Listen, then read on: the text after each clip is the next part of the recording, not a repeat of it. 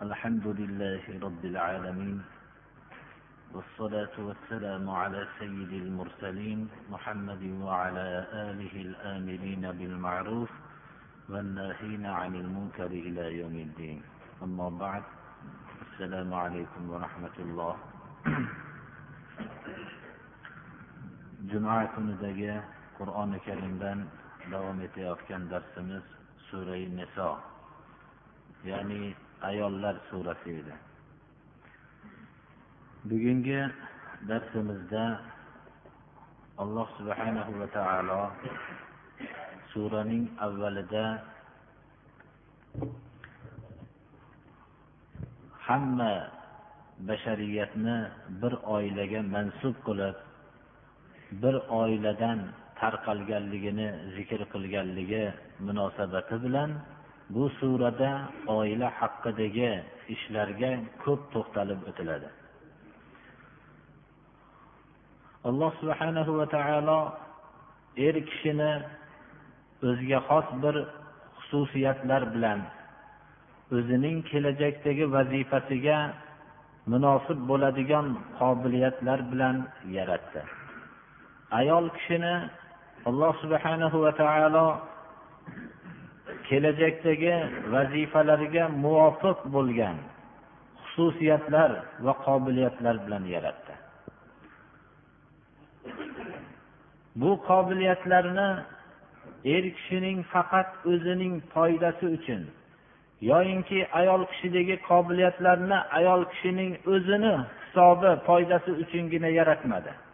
Balki yer kurrasidagi inson deb atalgan mukarram mavjudotning davomati va shu insonning mutlaq xoh er bo'lsin xoh ayol bo'lsin shu insonlarning manfaati shularning hisobi hisobga olinib alloh subhanahu va taolo o'ziga xos ikkala mavjudotni ikkala ya'ni er va ayolning o'ziga xos xususiyatlari bilan yaratishligi faqat insonning umum insonning manfaatini hisobga olindi. Va shunda bir birlarida bo'lgan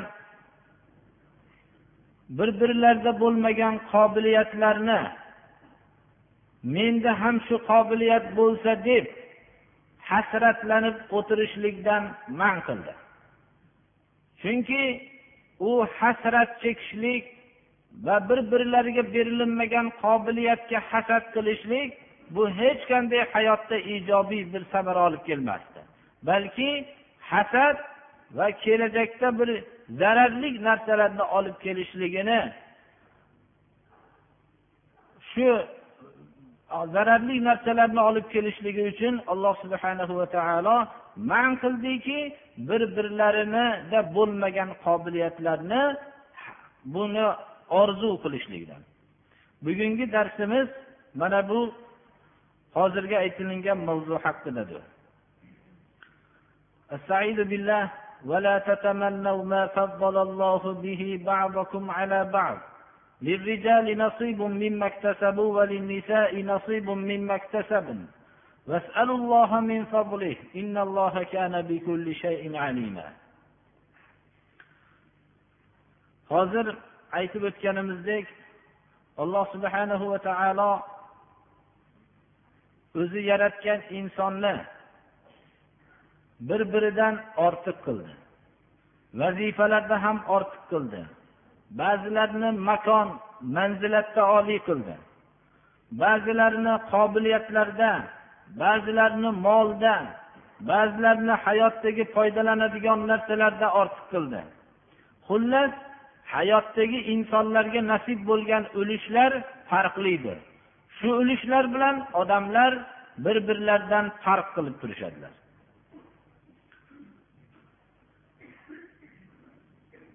Xususan islom dini olib kelgan insonga bergan huquqlar insonlarni ba'zi narsalarni so'raydigan qilib qo'ydi.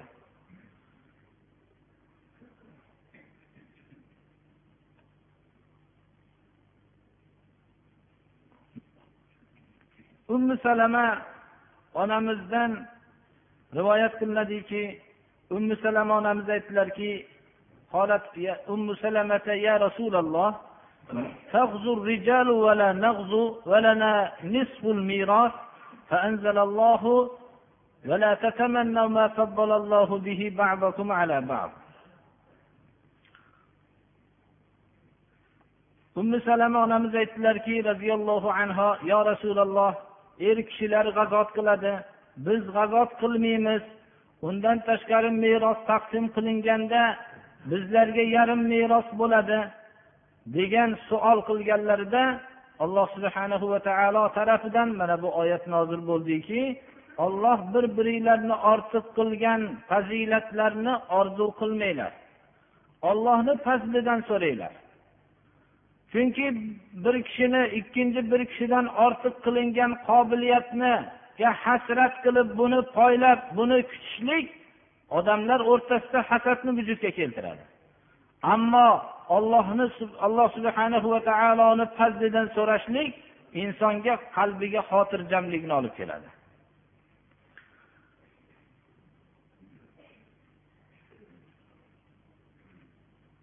Boshqa rivoyatlarda ham ummu salama onamiz rasululloh sollallohu alayhi vasallamga xitob qilib aytdilarki yo rasululloh la nuqatilu fanastashhida ونقطع الميراث فنزلت الآية ثم أنزل الله أني لا أضيع عمل عامل منكم من ذكر أو أنثى الآية يا رسول الله biz jang qilmaymizki biz ham ollohni yo'lida shahid bo'lsak deb ummu salama onamiz so'radilar shunda va yana shu bilan birga meroslarni teng bo'lib olmaymiz. Bizga er kishilar oladigan ulushning yarmi tegadi degan vaqtda shu oyat nozil bo'ldi va keyin insonlarning o'zi er va ayollarning barobar ekanligini ifodalovchi oyat bo'ldi. Oyat nozil bo'ldi. Xullas mana bu oyatdan bizga shu narsa bilinadiki islom kelishligidan ilgari dunyoning eng yuqori falsafalari ayollarni jonlik mavjudotmi jonsiz mavjudotmi deb bahs qilib turgan soatida. Jonlik mavjudot bo'lganda bulardagi ruh hayvoniy ruhmi yo insoniymi deb bahs qilib turgan vaqtda islom kelib ayollarga juda ko'p huquqlarni berdi. Ularning er kishilar bilan bab barobar huquqqa ega ekanligini bayon qildi. Mana bu narsalar ba'zi ayollarga xos bo'lgan masalalarda ham suol qilishlikka jur'atlantirgan narsa edi. Lekin alloh subhanahu va taolo aytib o'tganimizdek er kishini erkak kishi qilib ayol kishini ayol kishi qilib yaratdi. Ularning o'ziga xos bo'lgan qobiliyatlar berdi va kelajakdagi vazifasiga munosib bo'luvchi iste'dodlarni berdi mana bu narsalar biror bir er kishi yo ayol kishini foydasini ko'zlab turib qilingani yo'q. Faqat umum insonni manfaatini ko'zlab turib qilindi. Biz ba'zi farqlarga nazar tashlasak alloh subhana va taolo ayol kishiga jihodni farq qilmadi va shu bilan birga jihoddan mahrum ham qilmadi. Jihoddan qaytargani ham yo'q. Mana islom tarixida bir necha g'azotlarga ayollar ishtirok etdi. Lekin ayol kishiga jihodni farz qilmasligi buni nima uchun bizga farz qilmadi? Biz ham ollohni yo'lida jihod qilib shahid bo'laylik deb bu narsani hasad bilan qarashlikni manfaati yo'q. Alloh subhana va taolo ayol kishiga jihodni farz qilmadi. Nima uchun? U ollohni yo'lida jihod qilib shahid bo'ladigan kishilarni tarbiyalab berishlik vazifasini yuklagan edi. Bu vazifani ayol kishidan boshqa mavjudot bajara olmasdi.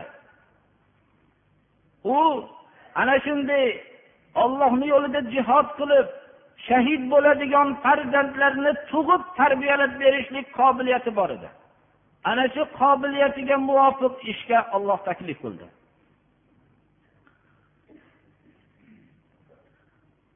Meros haqida to'xtalib o'tganmiz hozir ham qisqacha aytib o'tamiz. Islom merosni er kishiga ikki ulush ayol kishiga bir ulush taqsim qildi. Buni islom dushmanlari ayol kishini islom erkak kishining yarmiga barobar qilib huquqini tortib olgan deb bizlarga tan yetkazishadi. Lekin islomdagi ayol haqidagi fikr yuritishlik bunday tuhmatlarni hammasini daf qiladi. Islomda ayollar ertamandan kechgacha tirikchilik uchun ko'chalarda sarson bo'lib yurmaydi. Islomda ayollarni nafaqasi er kishilar zimmasiga yuklanadi. Ular er kishilar o'zining ayoliga va farzandlariga va shu bilan birga o'zining yaqinlariga ota onalariga bo'lgan nafaqa er kishining yelkasiga zimmasiga yuklanadi. Shuning uchun uning vazifasi nafaqa haqidagi vazifasi ko'p bo'lganligi uchun merosdan oladigan ulushi ikki barobar qilib taqsim qilingan. Ayol kishiga bo'lsa yarim miqdorda ya'ni er kishi oladigan ulushning yarmicha oladi. Lekin bu yarmini olib o'ziga sarf qiladi faqat. Shu bilan birga ikki ulush olgan turmush o'rtog'i ham shu yarim ulush olgan ayoliga ham sarf qiladi. Islomning har bir taqsimoti bu yerda uni kerakli vazifalariga muvofiq qilib taqsim qilgan. Ammo boshqa johiliyatlarda. Hozirgi davrdagi ham meros taqsimotlariga agar nazar tashlanadigan bo'lsa odatda ko'proq meros katta farzandga qoldiriladi. Yosh bolalarga meros berilmaydi. Chunki islomdagi meros inson degan nuqtai nazardan taqsim bo'lsa boshqalardagi meros uning xizmatga qodir ekanligini hisobga olib turib taqsim qilinadi. Bunda ham islom o'zining meros taqsimida ham boshqa tuzumlarning hammasidan yuqori turadi. Xullas boshqa qobiliyatlarni ham alloh subhanahu va taolo o'ziga muvofiq bo'lgan qobiliyatga ya'ni qobiliyat berib shu qobiliyatga yarasha narsalarga taklif qildi. Ayol kishining farzand tarbiyasidagi qobiliyati er kishida topilmaydi. Alloh subhanahu va taolo ayol kishiga ta'sirlanish quvvatini yuqori qilib berdiki bola bilan yosh bola bilan shug'ullanishlik aqldan ko'ra ko'proq ta'sirlanish quvvatiga muhtojdir. Shuning uchun ham alloh subhanahu va taolo tarbiyani ya'ni inson tarbiyasini tamomiy mavjudotdagi eng qiymatbaho bo'lgan inson tarbiyasini ayolga topshirdi. Va bu vazifaga porig'bol bo'lishlik uchun er kishini zimmasiga nafaqasini lozim qilib qo'ydi. Shuning uchun alloh subhanahu va taolo bergan qobiliyatlarni bu narsalarni orzu qilib hasad qilishlikdan man qildi. Buni o'rniga allohning fazlidan so'rashlikni ta'lim berdi.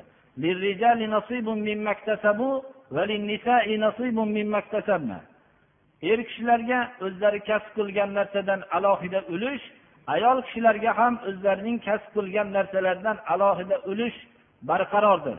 Bu bilan islom ayol kishida shaxsiy mulk bo'lishligini muqarrar qildi. Demak ayol kishi o'zi kasb qiladigan bo'lsa bu mulk uning shaxsiy mulki hisoblanadi islomda. Allohni fazlidan so'ranglar. Bir biringlarga molda yuqori bo'lgan kishilarga hasad qilishni o'rniga ollohdan shu fazlni molni so'ranglar. Bir birlaringlarni martabalik bo'lganliginglarga hasad qilishni o'rniga ollohni fazlidan so'ranglar. Olloh har bir narsani biluvchi zotdirki bilib insonni o'zi yaratdi va undagi qobiliyatlarni bildi va o'ziga muvofiq bo'lgan vazifalarga taklif qildi.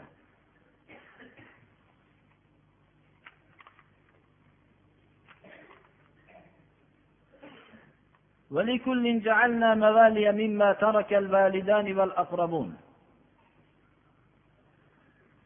alloh subhanahu va taolo kishilarga kasb qilgan narsalardan o'ziga xos ulush barqaror bo'lganligini bayon qilgandan keyin ayollarga ham o'zlari kasb qilgan narsalardan o'ziga xos bir ulush barqaror ekanligini bayon qilgandan keyin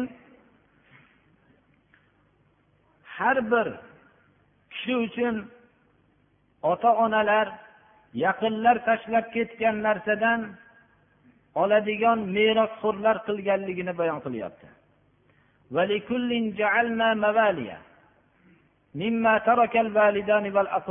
Ota ona tashlab ketgan meros yaqinlar tashlab ketgan meros uchun hammasiga merosxo'r bo'ladigan kishilar har bir oilada har bir toifada topiladi.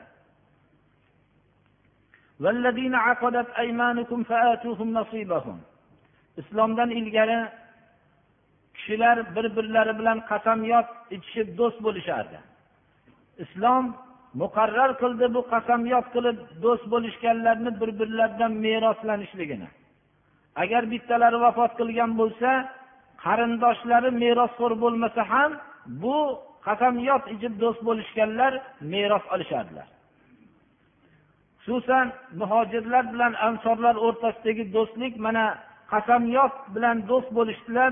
Bular bir birlaridan vafot qilgan vaqtlarida merosxo'r bo'lishdilar. Oyati mana shu mazmunni bildiradi. Sizlarni qasam bilan bog'langan birodaringlar ularga ulushlarini beringlar. Ammo bu bu qonun avval islomda edi. Oyati nozil bo'lganda bu oyat mansux bo'ldida qarindoshlar merosxo'r bo'ladigan bo'ldi. Qasamyod ichib do'st bo'lishganlar meros olmaydigan bo'ldi. Meros olishligi mansux bo'ldi. Ya'ni bu hukm bekor bo'ldi.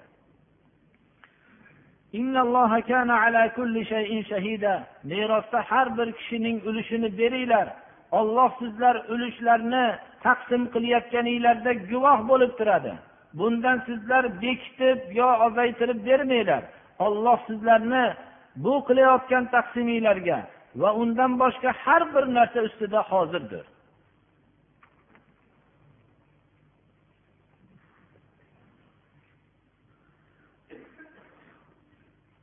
الرجال قوامون على النساء بما فضل الله بعضهم على بعض وبما أنفقوا من أموالهم.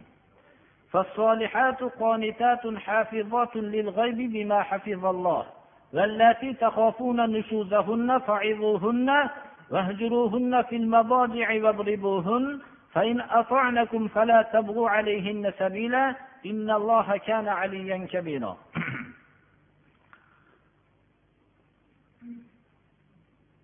Alloh subhanahu va taolo qur'oni karimda ko'p yod qilgan narsalardan bittasi oila muassasasi. Oila muassasasi islomda eng e'tiborli muassasalardan hisoblanadi. Chunki bundan keyingi tashkil topadigan moliyaviy muassasalar va sinoiy muassasalar boshqa ijtimoiy muassasalar hammasi oila muassasasi mukammal bo'lgandan keyin mukammal bo'ladi. Agar oila muassasasi mukammal bo'lmas ekan bu jamiyatda tashkil topgan hamma muassasalar chirigan muassasalarga aylanadi.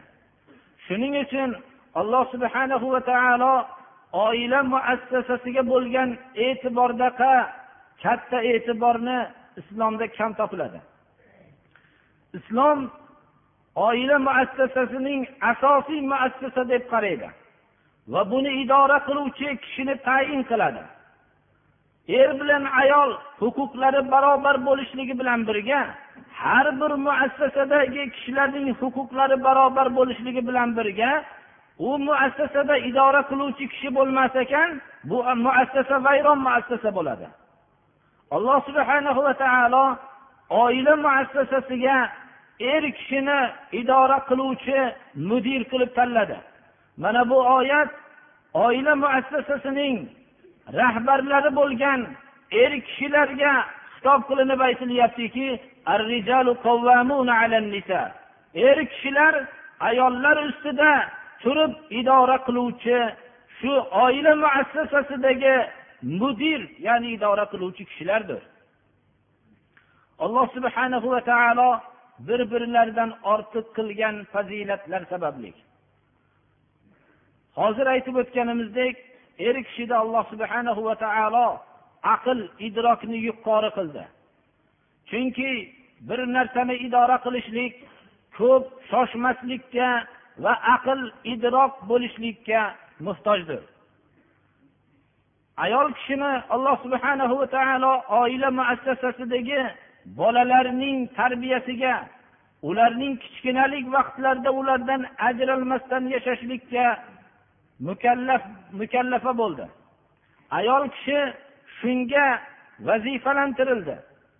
Shuning uchun go'dak bolani tarbiya qilishlik aqldan ko'ra ko'proq infiol bola bilan o'zining o'rtasidagi tez ta'sirlanishlik qobiliyatiga muhtojdir.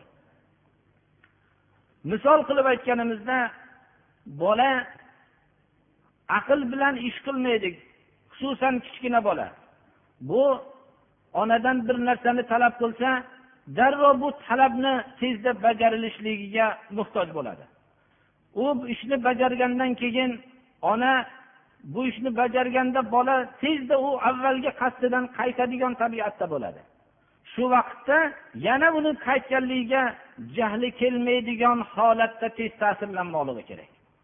Alloh subhana va taolo ayol kishidagi infial ya'ni ta'sirlanishlikni shu darajada o'rnatdiki agar bola o'n marta bir narsani qaytarib takrorlasa ham shunga javob aytishlik bilan lazzatlanadigan qilib qo'ydi. Ana bu bunday tez ta'sirlanishlik lekin bir hay'atni idora qilishlikka qobiliyat bo'lishlikka yaramaydi. Shuning uchun alloh subhana va taolo er kishilarni oila muassasasida mudir rahbar qilib qo'ydi. Alloh subhana va taolo ularda aql idrok va shoshmaslik mana bu tabiatini yuqori darajada berdi.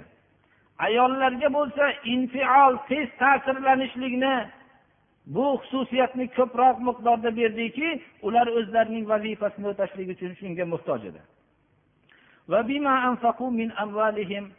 Er kishilar yana o'zlari sarf qilib turgan mollari sababli ham oila muassasasida mudir bo'lishlikka loyiqdirlar. Haqiqatda ham bir muassasasini rahbari u muassasadagi kishilarga marhamat qilib turadigan kishi bo'lishligi muvofiqroq bo'ladi.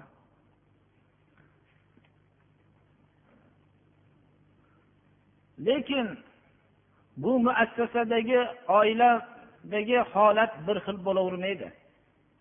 Bu oiladagi rahbarlarga oiladagi hamma itoat qilavermaydi. Alloh subhanahu va taolo insonni inson qilib yaratdi. Agar ular bir xilda chiqqan bir qalbdaqa ular bir xil bo'lavermaydi. Ular ikkiga bo'linadi. Oilada yashovchi ayollar ikkiga bo'linadi. Ba'zilari ular soliha ayollar.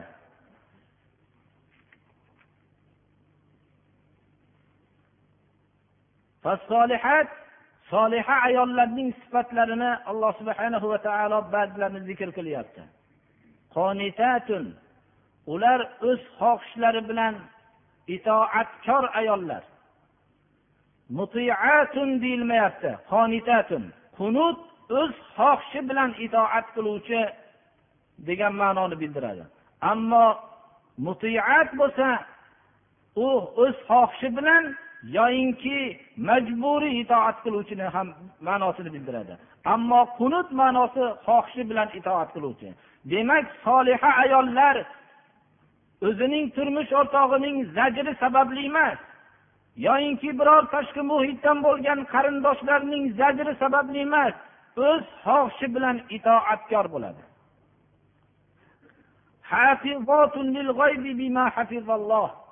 Turmush o'rtoqlarining yo'q bo'lgan vaqtlarida o'zini harom narsalardan saqlovchi turmush o'rtog'ining moli mulklarini muhofaza qilib saqlab turuvchi bu narsa turmush o'rtog'i buyurganligi sababligina emas balki olloh shu narsani saqlashlikka buyurganligi sababli. Olloh bu turmush o'rtog'imni doim g'ayibda yo'qligida saqlashlikka buyurgan degan buyruqni ijro qilishlik uchun saqlovchidir.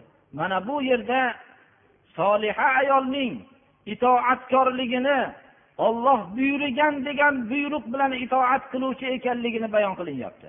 Demak bu yerdagi erning zo'ravonligi ta'sir ostida emas.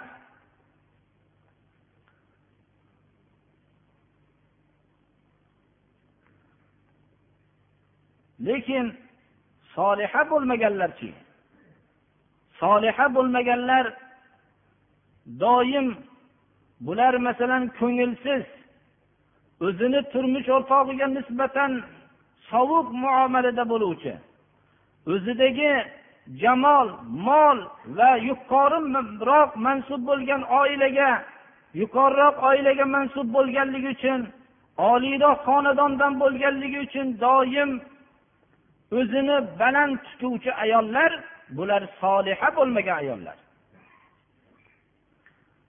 Nushuz asli lug'atdagi ma'nosi baland ko'tarilingan o'rinni aytadi. Ya'ni o'zini yer o'lchovlari bilan o'lchab o'zining oliy oilaga mansub ekanligi yoyinki jamoli yoyinki moli davlatining ko'pligi sababli ko'ngilsiz bo'lib o'zini baland tutuvchi ayollar soliha bo'lmagan ayollardir. Alloh subhanahu va taolo oilada bunday soliha ayolning bo'lmasligi bu yerdagi voyaga yetayotgan farzandlarning kelajagi xatar bor ekanligi uchun alloh subhanahu va taolo oila muassasasining mudiriga odoblantirishlikka ruxsat berdi. Uni odoblantirishlik yo'llarini o'rgatdi. Billah islom bir narsaning kelib chiqishlik oldini oldi. Ayollarning o'zlarini nohaq baland tutishliklaridan tashvish qiladigan bo'lganinglarda birinchi yechim ularga maviza qilinglar. Ularni nasihat qilinglar. Ularning bu ishning kelajagi xatar ekanligi haqida panda nasihat qilinglar. alloh subhanahu va taolo qur'oni karimda استعيذ بالله يا أيها الذين آمنوا قوا أنفسكم وأهليكم نارا وقودها الناس والحجارة عليها ملائكة غلاب شداد لا يعصون الله ما أمرهم ويفعلون ما يؤمرون ey iymon keltirgan kishilar sizlar o'zinglarni va oilanglarni farzandinglarni ollohning do'zax azobidan ya'ni o'tidan saqlab qolinglar. Shunday o'tki uning o'tinlari odamlar va odamlar sig'ingan butlar yoqiladi. Kishilarga alloh subhana va taolo oilasiga shunday o'tdan ogohlantirishlik mavizasini qilishlikka buyurdi xususan ayollarni bu yerda ularga nasihat qilishlikka ko'ngilsiz bo'lishlikning oqibati yomon ekanligini ogohlantirdi. Shuning uchun birinchi yechim ularga maviza qilinglar. Ularga nasihat qilinglar.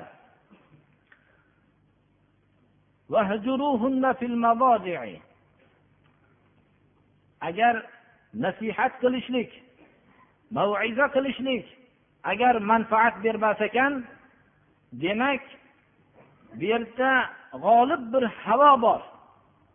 Bu yerda o'zining moli davlati bilan oliy tutishlik bor. Bu yerda o'zining jamoli bilan oliylanishlik bor. Bu yerda o'zining oilaviy markazi bilan faxrlanish bor.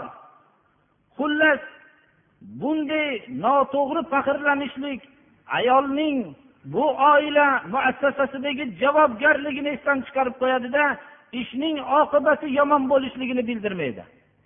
Shuning uchun islom bu yerda bir ikkinchi yechimni ta'lim berdiki demak shu faxr sababli oila buziladigan bo'lsa bu faxrlanayotgan qurolga hujum qilishlikka. Bu hujum o'rindiqlarda o'zinglarni chetga olinglar deb olloh buyurdi mana. Lekin biz shu yerda shu narsani bilishimiz kerakki kalimasini yaxshi anglashimiz kerak. Ularning farzandlar oldida ulardan chetlanishlik emas uning qarindoshlari oldida o'zining qarindoshlari oldida chetlanishlik emas. Hech kimga ma'lum bo'lmagan faqat o'ziga va oilasiga zarar bo'ladigan o'rindagina ulardan voz kechishlikka buyuryapti. Chunki farzandlar oilasi farzandlar oldida qarindoshlar oldida ayoldan o'zini chetga olishlik ayolning xorlab qo'yadi. Islom farzandlarning himoya qilishlik uchun bu yechimni o'rgatayotgan islom farzandlar oldida qarindoshlar oldida oilani xorlashlikka buyurmaydi. Faqat o'rindiqlarda bu yerdagi zarar faqat ikkovi qilgan xatoning ikkovi tortadigan o'rindagina undan o'zini chetga olishlikka buyurdi. Agar bu ikkinchi yechim foyda bermas ekan demak bu yerda qattiq bir ko'ngilsizlik vujudga kelyaptiki bunda odoblantirmaslik oila muassasasini bir xatarlik o'ringa olib kiradi. Alloh subhanahu va taolo bu o'rinda ya'ni ularni odoblantirishlik uchun uringlar degan kalimani berdi. Lekin islom dushmanlari islom dushmanlari qur'on ayollarni urishga buyurgan deyishadi. Qaysi bir muassasada farzandini masalan ota o'zining farzandini urgan vaqtida farzandini xorlashlik urganligini tarixda eshitganmisiz? Biror bir kishi o'zining farzandini urgan vaqtida shuni men xorlayman deb urgan ota tarixda bormi? Lekin uning kelajakdagi xatosi bu qilib turgan xatoning kelajagi xatarli bo'lgan vaqtida farzandni urishga majbur bo'lgan vaqtdagina farzandini uradi. Lekin bu urishlik uning hayotiga shunday ta'sir qilishligi mumkinki hayotida haqiqiy inson bo'lishligi uchun mana shu urishlik sabab bo'lishligi ham mumkin mana. Alloh subhana va taolo oila muassasasining rahbarini bu yerda oilani oldida javobgar qilib bularning ta'limi hamma odobiga javob beradigan qilib qo'ydi. Lekin birdan islom buni urishlikka buyurgani yo'q. Hatto rasululloh sollallohu alayhi vasallamning davrlarida payg'ambarimiz sollallohu alayhi vasallamdan rivoyat qilinadiki ollohning ayol bandalarini urmanglar dedilar bu narsa ko'rsatadiki johiliyat hech qanday ayollarga huquq bermagan johiliyat tamomiy urardi urmanglar dedilar فجاء عمر رضي الله عنه إلى رسول الله صلى الله عليه وسلم غيرت النساء على أزواجهن aytdilarki yo rasululloh ayollar o'zlarining turmush o'rtoqlariga o'shkiradigan bo'lib ketdi dedilar. Shunda rasululloh sollallohu alayhi vasallam ya'ni qilayotgan mavizamiz ta'sir qilmayapti. Bizlarning bu ikkinchi iloj ham ta'sir qilmayapti deganlarda rasululloh sollallohu alayhi vasallam ularni odoblantirishlik uchun urushga ruxsat berdilar. shunda فأطاف بآل رسول الله صلى الله عليه وسلم نساء كثير يشتكين أزواجهن shunda rasululloh sollallohu alayhi vasallamning uylarini atrofiga ko'p ayollar o'zlarining turmush o'rtoqlaridan shikoyat qilib kelishdilar فقال رسول الله صلى الله عليه وسلم لقد أطاف بآل محمد نساء كثيرون يشتكين من أزواجهن ليس أولئك بخياركم muhammad alayhissalomning oilasini uylarini atrofini ko'p ayollar o'rab shikoyat qilib kelyapti o'zlarining turmush o'rtoqlaridan. Shuni bilinglarki ayollari meni oldimga shikoyat qilib kelayotgan kishilar sizlarning ichinglarda yaxshi odamlar emas dedilar. Ana payg'ambarimiz sollallohu alayhi vasallam bu narsani odob uchun bo'lganligini o'zlarining amaliy sunnatlari bilan izohladilar.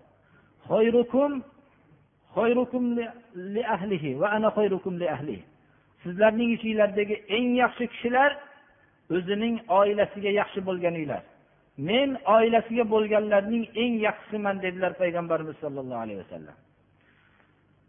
Bu kishining yaxshiligi shu yerdan ma'lum bo'lishligi ayollar o'zlarining turmush o'rtoqlariga itoat qilib turgan vaqtda ularga yaxshilik qila oladigan odamning qalbida insoniylik bo'lmas ekan zo'ravonlik bo'lar ekan u oilasiga yaxshilik qilolmaydi lekin inson o'zidan yuqori odamga hammaga yaxshi muomalada bo'lishlik bu hammani qo'lidan keladigan ish. Ammo qo'lidagi zaif bo'lib turgan o'zi quvvati yetmay turgan kishilariga yaxshi bo'lishlik bu insonning qalbidagi yaxshilikka dalolat qiladi. Tavozu mardon neko'z gado tavozu kunat tavozu kichik ko'ngillik katta odamlardan yaxshi. Katta odam kichik ko'ngil bo'lsagina uni kichik ko'ngil kishi deyiladi. Agar gaday kichik ko'ngil bo'lsa uni asli o'zi fe'li shu uni birov kichik ko'ngil deyilmaydi chunki gadaylik qilgan odam u kichik ko'ngil bo'lmasa tirikchiligi yurmaydi uni. Bir gaday tirik kichik ko'ngillik qiladigan bo'lsa juda bir kichik ko'ngil gaday ekan deyilmaydi uni. Ammo katta odam kichik ko'ngillik qilsa buni mutavozi kichik ko'ngil odam deb shuni aytiladi shuning uchun ham o'zining oilasi yaxshi bo'lolmagan odam bu qalbida ko'p yaxshiligi bor odamdir.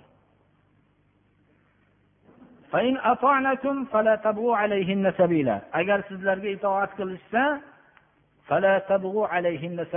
endi ularning ustida boshqa yo'lni talab qilmanglar chunki maqsad oila muassasasini xotirjam osoyishta saqlab qolishligini demak itoatdan keyin ularni boshqa yo'l istashlikka yo'l yo'qdir وإن خفتم شقاق بينهما فابعثوا حكما من أهله وحكما من أهلها endi ko'ngilsizlikdan tashvish qilgan vaqtda islom avvaldagi yechimlarni o'rgatdi. Ammo ikkovlarning o'rtasida kelishmovchilikdan tashvish qilsanglar endi oila buzilishlikka keladigan bo'lib qolsa endi o'rtadagi qarama qarshilik ko'zga tashlanib qoladigan bo'lsa bu yechim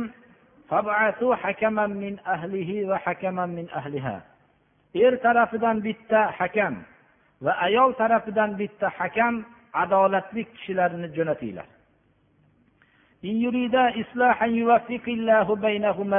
Agar er kishi tarafidan bo'lgan hakam ayol kishi tarafidan bo'lgan hakam islohni maqsad qilishadigan bo'lsa alloh subhana va taolo ikkovlarining o'rtalarini muvaffaq qiladi. Dunyoda er kishini va ayol kishining o'rtasidagi kelishmovchilikni hal qilgani er kishi tarafidan bo'lgan qarindosh va ayol kishidan tarafidan bo'lgan qarindoshdan ko'ra adolatli kishilar bo'lmaydi. Chunki ular o'zlarining tabiatlari bilan o'rtani muvofiq qilishlikka muvaffaq qilishlikka harakat qilishadilar. Ammo boshqa odam bo'lsa ozgina qalbida g'araz bo'lishligi mumkin. Ammo ikkovlari tarafidan tayinlangan kishilar doim shu oilaning ovozasini saqlab qolishlikka harakat qilishadilar. Shularning jo'natishlik asli bir hikmatki ular o'rtasida qolib shu yerdagi oilada o'tgan kelishmovchiliklar sir bo'lganicha qolaveradi. Alloh taolo har bir narsadan xabardor biluvchi zotki mana oila muassasasini xatariga tushayotgan holatda ularga muvofiq qanday ish muvofiq bo'ladigan bo'lsa shunday muvofiq bo'lgan yo'lga yo'llab qo'ydi. Alloh subhanahu va taolo hammamizni ham er kishilarni o'zlarini oila oldida mas'ul kishi ekanligini his qilib yuradigan kishilardan qilsin. Ayollarni ham o'zlarining farzandlarini tarbiya qilishlikda vazifalarni esdan chiqarmaydigan ayollardan qilsin. Alloh subhanahu va taolo mana mana shu oyatda bayon qilyaptiki hozirgi vaqtdagi bo'layotgan ajralishlar hammasini bilsangiz islomni oila muassasasidagi kishilarning idora qiladigan kishilarning o'zlarini vazifalarini bilmayotganligi ayollar bo'lsa o'zlarini vazifalarini esdan chiqarganligi qur'oni karimda aytilgan solihotlar jumlasidan bo'lishlikka harakat qilmayotganliklarini belgisidir.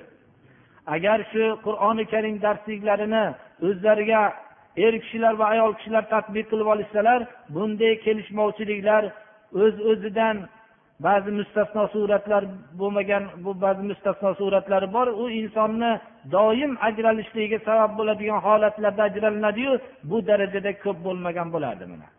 Alloh subhanahu va taolo hamma xalqimizni ham qur'on hidoyat yo'llariga yo'llasin. Alloh subhanahu va taolo bizlarni ham xalqlarni hidoyatiga sabab qilsin. Alloh subhanahu va taoloning rizosi va mag'firatiga shoshilinglar ollohning jannatiga orzulariga bilan kiramiz deb suyanib qolmanglar. Ollohni yo'lidagi olloh buyurgan amallarni qilishlik bilan jannatga kiriladi. Yahudlar aytishdiki bizlar jannatga kiramiz deyishdi. Nasorolar aytishdiki bizlar jannatga kiramiz deyishganlarida musulmonlarning ba'zilari ham bizlar jannatga kiramiz degan so'zni aytishganlarida shu oyat kalima nozil bo'ldiki ey mo'minlar sizlarni jannatga kirishlik sizlarni orzuinglar bilan ham kirilmaydi va ahli kitoblarning orzulari bilan ham kirilmaydi. Kim yomonlik qilgan bo'lsa jazolanadi. Qaysi bir kishi xoh er kishi xoh ayol kishi solih amallarni qilsa iymon sifati bilan ulargina jannatga kiradiganlar shular ularning qilgan amallari hammasi saqlanadi. Xurmo danagininga yopishgan bir qilcha ham ulardan kamaytirilmaydi degan oyat nozil bo'ldi. Alloh subhana va taolo mana bu oyat bilan har bir kishining amal qilishlikka chorladi. Hatto abu bakr siddiq roziyallohu anhu rasululloh sollallohu alayhi vasallamga aytdilarki bu oyat juda qanday qo'rqinchli yo rasululloh deganlarda mo'min kishining qilgan amallari ya'ni yaxshiliklari ko'p gunohlariga kafforat bo'ladi deb u qalblariga xotir اللهم يسر لنا امورنا امور الدنيا والاخره واجرنا من خزي الدنيا وعذاب الاخره اللهم استرنا بسترك الجميل اللهم احفظنا يا فياض من جميع البلايا والامراض اللهم إنا نعوذ بك من الكفر والفقر والجبن والكسل ومن فتنة المحيا ومن فتنة الممات ومن فتنة المسيح الدجال ومن فتنة عذاب القبر والنرد إلى أرذل العمر. اللهم حبب إلينا الإيمان وزينه في قلوبنا وكره إلينا الكفر والفسوق والعصيان. واجعلنا من الراشدين. وتوفنا مسلمين وألحقنا بالصالحين. غير خزايا ولا مفتونين. وصلى الله تعالى على خير خلقه محمد وآله وأصحابه أجمعين. الله أكبر. أعوذ بالله من الشيطان الرجيم. بسم الله الرحمن الرحيم. يا عبادي الذين آمنوا إن أرضي واسعة فإياي فاعبدون. كل نفس ذائقة الموت ثم إلينا ترجعون. والذين آمنوا وعملوا الصالحات لنبوئنهم من الجنة غرفا تجري تحتها الأنهار خالدين فيها. نعم أجر العاملين الذين صبروا وعلى ربهم يتوكلون.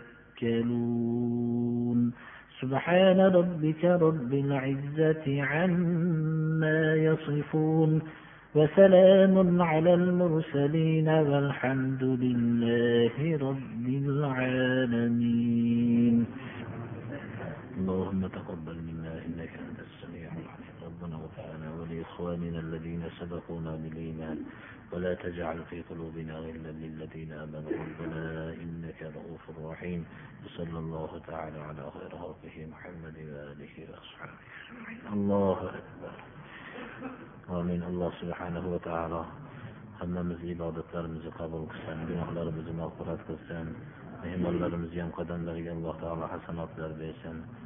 Alloh subhanahu va taolo islomga xizmat qilayotganlarni ishiga alloh rivoj bersin.